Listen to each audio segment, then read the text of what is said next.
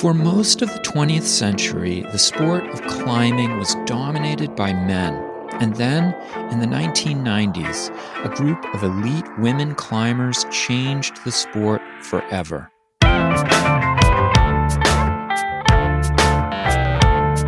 It's time to eat the dogs. I'm Michael Robinson.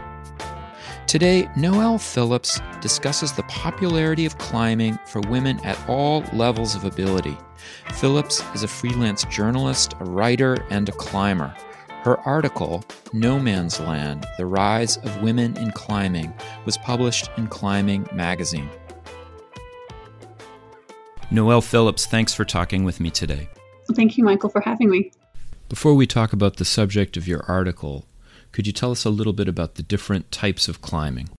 There's traditional roped rock climbing, and that's what people might see when they're out hiking and come across a cliff face and see people scampering up the face. And even on that sort of face climbing, you've got two different styles of climbing one called sport and one called trad or traditional. And in sport, there are bolts that somebody else has put into the rock wall, and you would climb, clip into a bolt for protection, and then continue on to the next bolt. But in trad climbing, there's no bolts at all. Um, some people think this is a little bit more pure form of climbing because you're following usually a crack in the face. So, sticking your hand or your whole body into the crack, climbing up, and then placing pieces of protection in the crack. And there's a lot of different kinds of protection that you might put into those cracks to help keep you safe. Um, and then, yeah, there's bouldering, which would be those same style moves, but without any sort of protection. And you're doing them usually on a smaller boulder or rock, you know, less than 30 feet, unless we get into what's called highballing, which is when you're above that. So, what drew you in particular to rock climbing back in 1996, I think, when you first started? Yeah, 96 is when I first discovered climbing. I had never seen it or heard of it. Um, I had certainly been out on rock faces with my girlfriends in high school, just uh, climbing around. I had no idea there was a safe and sane way to do that, though, until I got to college and saw that, oh, there's actually this thing called rock climbing, and you can use ropes and protection, and it will keep you safe. And uh, allow you to actually advance your skills. So it was very, really exciting to actually find that this was an actual sport and something that I could get involved with. Was it the sport aspect of it that appealed to you, or was it more personal? Uh, more personal. I've never been much for like team sports or sports. I did track in junior high, but um, while I've been athletic my whole life, I've never been into the sports aspect. But I loved climbing because of the moves, because to me it feels like dancing across the rock, and I love dancing. So to be able to take that same sort of grace and style and finesse and bring it to the rock was incredible. It was very scary for me too because I, I for my entire life I've battled a deathly fear of heights. Mm-hmm. It's been an interesting journey. I mean, even in the beginning, I certainly cried myself up many a climb, but I don't like letting fear be the reason to stop me from doing anything. So I was determined to continue doing it because I do love the movement of climbing so much. Especially, I'm more of a sport climber. That, those bolts and yeah, less than trad.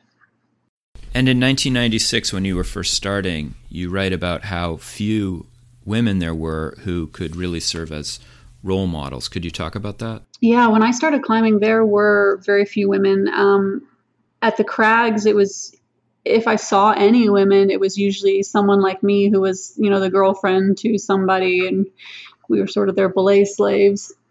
Mm-hmm. But there were a few women who stood out when I first started climbing, like Lynn Hill and Steph Davis, and um, Robin Erbesfield Robo too, and I'm sure I've butchered I've probably butchered her name my entire life, but she's an incredible incredible climber.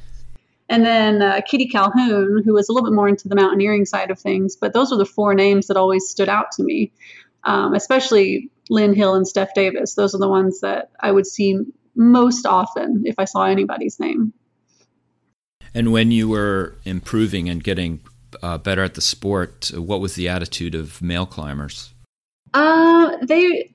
it was interesting. Like most were really hesitant. Like if I would go to, uh, you know, just to work out, just to go into the dusty, chalky, limited uh, definition of a climbing gym that we had at that time, uh, the guys would not really engage in any sort of conversation with me until I sort of proved myself. I had to, you know, either crank out my 25 pull ups, I had to pull out some horribly difficult bouldering problem, and then they would kind of see, oh, she's legit, so we can talk to her. I guess she knows what she's doing.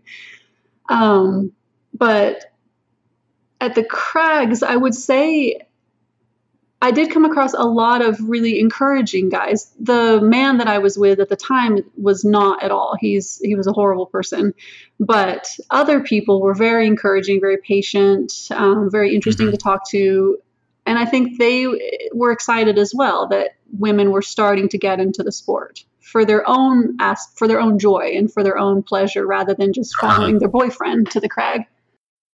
I remember reading Steph Davis's book where she talks about being surprised that this cohort of men who were elite climbers didn't embrace her into their world when she became a, um, an expert and how difficult it was at times to break into that. Yeah, I would agree. I mean, it's especially as you start climbing up the ladder in the sport and honing your skills and getting better and better, guys don't always tend to do well when a woman is doing better than them, especially yeah. in a physical sport like that. So I can, I mean, I saw that on a limited level. I can only imagine what people like Steph Davis and Lynn Hill were facing. I mean, and look at Lynn Hill. She was climbing with all of these men, doing all of the same climbs that they were doing. But it really wasn't until she did something that no one else had done that she finally started getting her due recognition.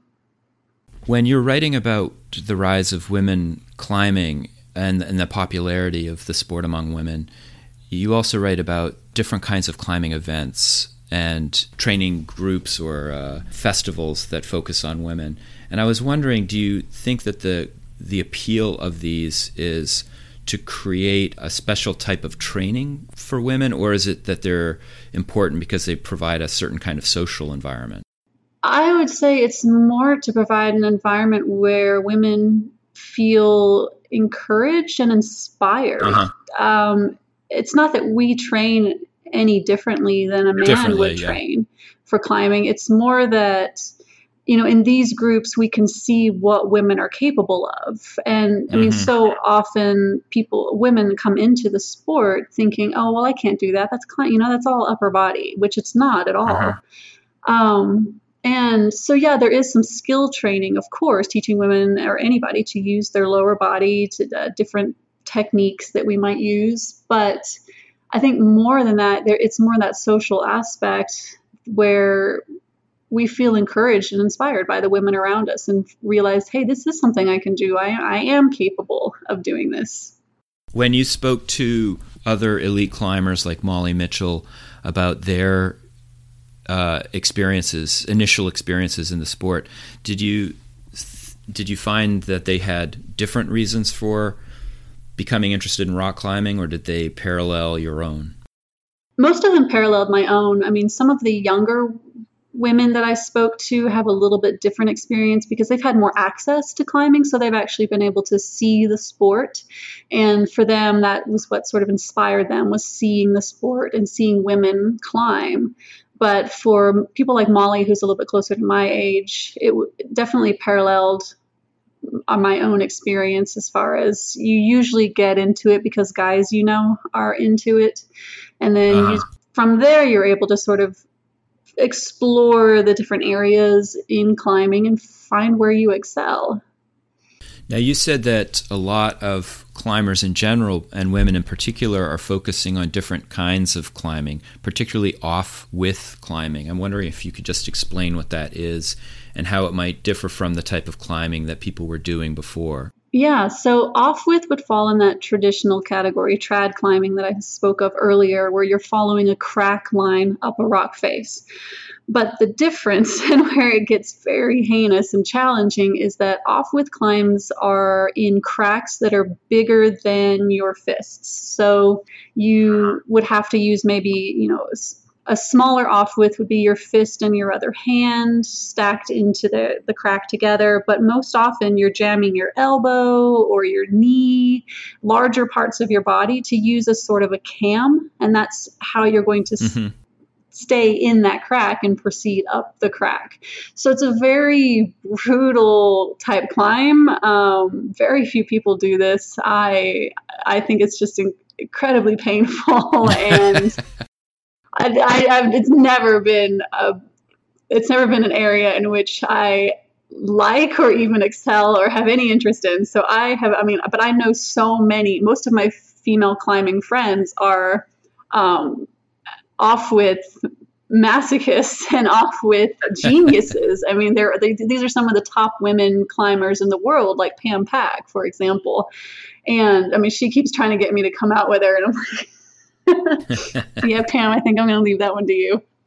So you said that uh, this type of climbing might be more suited to a woman's strengths potentially. Could yeah, it's talk about that. Yeah, I mean, for a long time, it was kind of one of the last realms for male-dominated climbing. I mean, very few women were doing off widths because it is such a brutal sort of climb. But I think, you know, as more and more people, Pam, I would say, was one of the women who certainly led the way. I mean, she's got more first female ascents of off widths out there than any other female. But as more women started trying this style, I think they realized that there was a certain level of grace to it, that it wasn't just grunting and growling your way through these brutal cracks, um, but that there as far as technique goes, it's an even more honed technique than any other mm. style of climbing. You really have to know exactly how to place your body in these mm-hmm. cracks, and a lot of them are inverted, so upside down. So, how do you stay on a rock face upside down with no protection except just your body inside this crack? Um, and like small small cracks were always a realm where women were excelling because you know smaller fingers we can do those harder smaller cracks but i think once women started finding that grace and the immense amount of technique necessary to do an off width mm-hmm. climb that they really started exploring that world and of course seeing other women doing these climbs mm-hmm. so you said that uh, social media has also potentially contributed to the rise of uh, the popularity of the sport with women. Uh, why do you think so? I think it just comes back again to making it more accessible and visible. I mean, when I started out again, it was just not visible. I didn't see women climbing, but to see on someone's Instagram page a woman climbing some beautiful climb has inspired a lot of other women I go, I can do this. This is that looks fun. I should get out there and do that climb. Or to see even groups of women out there, no men anywhere, just women climbing. I think it's just opening more women's minds to the possibility and just making it more accessible. It's for so long it just wasn't mm-hmm. very accessible, but now the information is out there. They're able to see where the climb is. They're able to gather information on any sort of technique needed for the climb um, it's just been I think more inspiring. Again, I, I, keep coming back to that word, but it truly has been just to be able to actually visibly see women out there climbing and engaging in this world. One of the things I found interesting about your article was that you said women climbers are increasingly moving into quote blue blue collar styles that were previously the domain of stubble jawed bros, ice climbing, sketchy trad, off widths now women's name dominate these former boys' clubs. And it made me wonder if you think that as women are moving into this uh, venue, which was so male dominated for so long, are they bringing their own particular styles of climbing with them, or are they essentially adopting the styles that they found in the sport when they arrive? I think, well, in climbing, it really comes down to an individual you can have one climb and 12 different people climb it, and they're all going to climb it differently because we all have different mm-hmm. body proportions, we all have different strengths. Um, so, I mean, in every climb, we all bring our own technique and style to it. Some mm-hmm. people really try to muscle up and use their arms. Um, some people, like myself, I really depend on my legs and my footwork and balance. And uh, each climb is different. And even doing a climb yourself, that same climb five times, you might do it differently each time. And that's kind of the fun way. It's like a unlocking a puzzle every time, which is one of the intriguing parts of climbing. Was there anything that was surprising to you about the women you spoke with in their interest in the sport? Uh, as you did the research for this article, did you find anything that kind of wasn't as you had thought? I think just this general rise in women climbing Offwidths has mm. certainly been surprising to me. Um, I still don't get it just because I, I mean, I do, of course, I'm being facetious, but I mean, it is such a brutal side of the sport, and I am thrilled to see women doing it. But um, I think that kind of ties in with even Molly. You know, she does what's called R and X rated trad lines, and these are these can be very dangerous lines. You know, you have the risk of injury or even death if you fall. And with off width as well, it's just this women haven't always been the ones to sort of lead the way in the pursuit of these more fearful or dangerous mm-hmm. sports. And so to see women's names at the top of like these blue collar, that's what I call them, but the, more of these rugged, a little bit more dangerous, edgy styles um, was surprising and fantastic. I mean, I love I love seeing women venture into all these different worlds, but certainly the uh, the increase in females climbing off width has been amazing and surprising. yeah. You lived in Japan, you've lived in a lot of other places. Do you think that climbing is changing in other parts of the world as well, particularly for women? Oh, definitely. Yeah, I was just reading an article. I think it was about a female climber in Iran. And I mean, even just looking at any of those countries like Iran, Afghanistan, um, where women are quite sheltered, where women are quite sequestered, and there's even the uh, dress code that's imposed on women um, and what these women are going through to sort of push the realms of the sport in their own country. I mean, these women are amazing. If you really want to be inspired, read about the women over there trying to climb. It's just it's it's been amazing. Is it uh, amazing because of the certain social restrictions that they confront, or or other reasons? Yeah, it's definitely I would say the social restrictions. Um, just because not only are they trying to, they're entering a challenging sport. There's that aspect of it certainly, but where we have the freedom to just go out and do whatever we want, these women don't. And so they're not only challenging the sport, but they're challenging social norms and to the great risk of personal injury, not just from the from climbing, but from um, the people around them. So, do you have any idea what your next project will be? I have been exploring that. So, I've been I'm fairly new to Denver, so kind of exploring the area around here.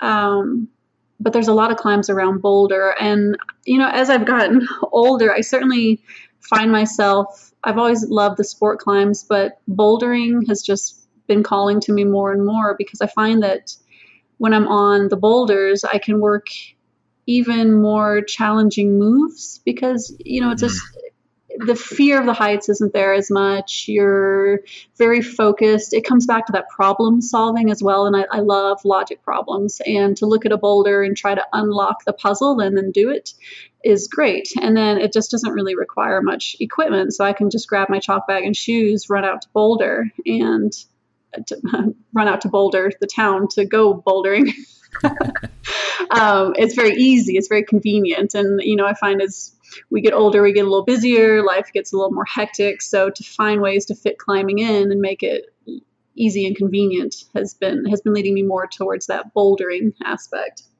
Hmm. And what about uh, for writing projects? What do you think you're going to be working on? I've been talking with a few different climbing photographers, just exploring the background of why they decide to go more of the climbing photography route. Because a lot of these people are fantastic climbers in and of their own route, their own own self, um, or their own rights. Excuse me. But mm-hmm. to what leads a person to want to stay a little bit more behind the scenes and behind the lens and let others excel. So I've been trying to explore an angle with that. And then outside of, you know, articles for magazines, I've been working on different novels and trying to break into the novel world. Uh-huh. Well, uh, to this issue of the photog- the mountain photographer, I, I think a lot about um, because of my work on exploration. There's there's always a lot of people on any given expedition, and only one of them uh, gets up the mountain first, or plants the flag, or or whatever. And the issue of what motivates people to do this kind of work, uh, if if they're not going to be the ones who are on the top. Right. Even though they're doing very challenging things as well, and gaining those same successes, but they choose to stay behind the scenes out of the spotlight. It's very interesting to me. Noelle Phillips, thank you very much for talking with me today. Well, thank you, Michael. Thanks for having me. That's it for today.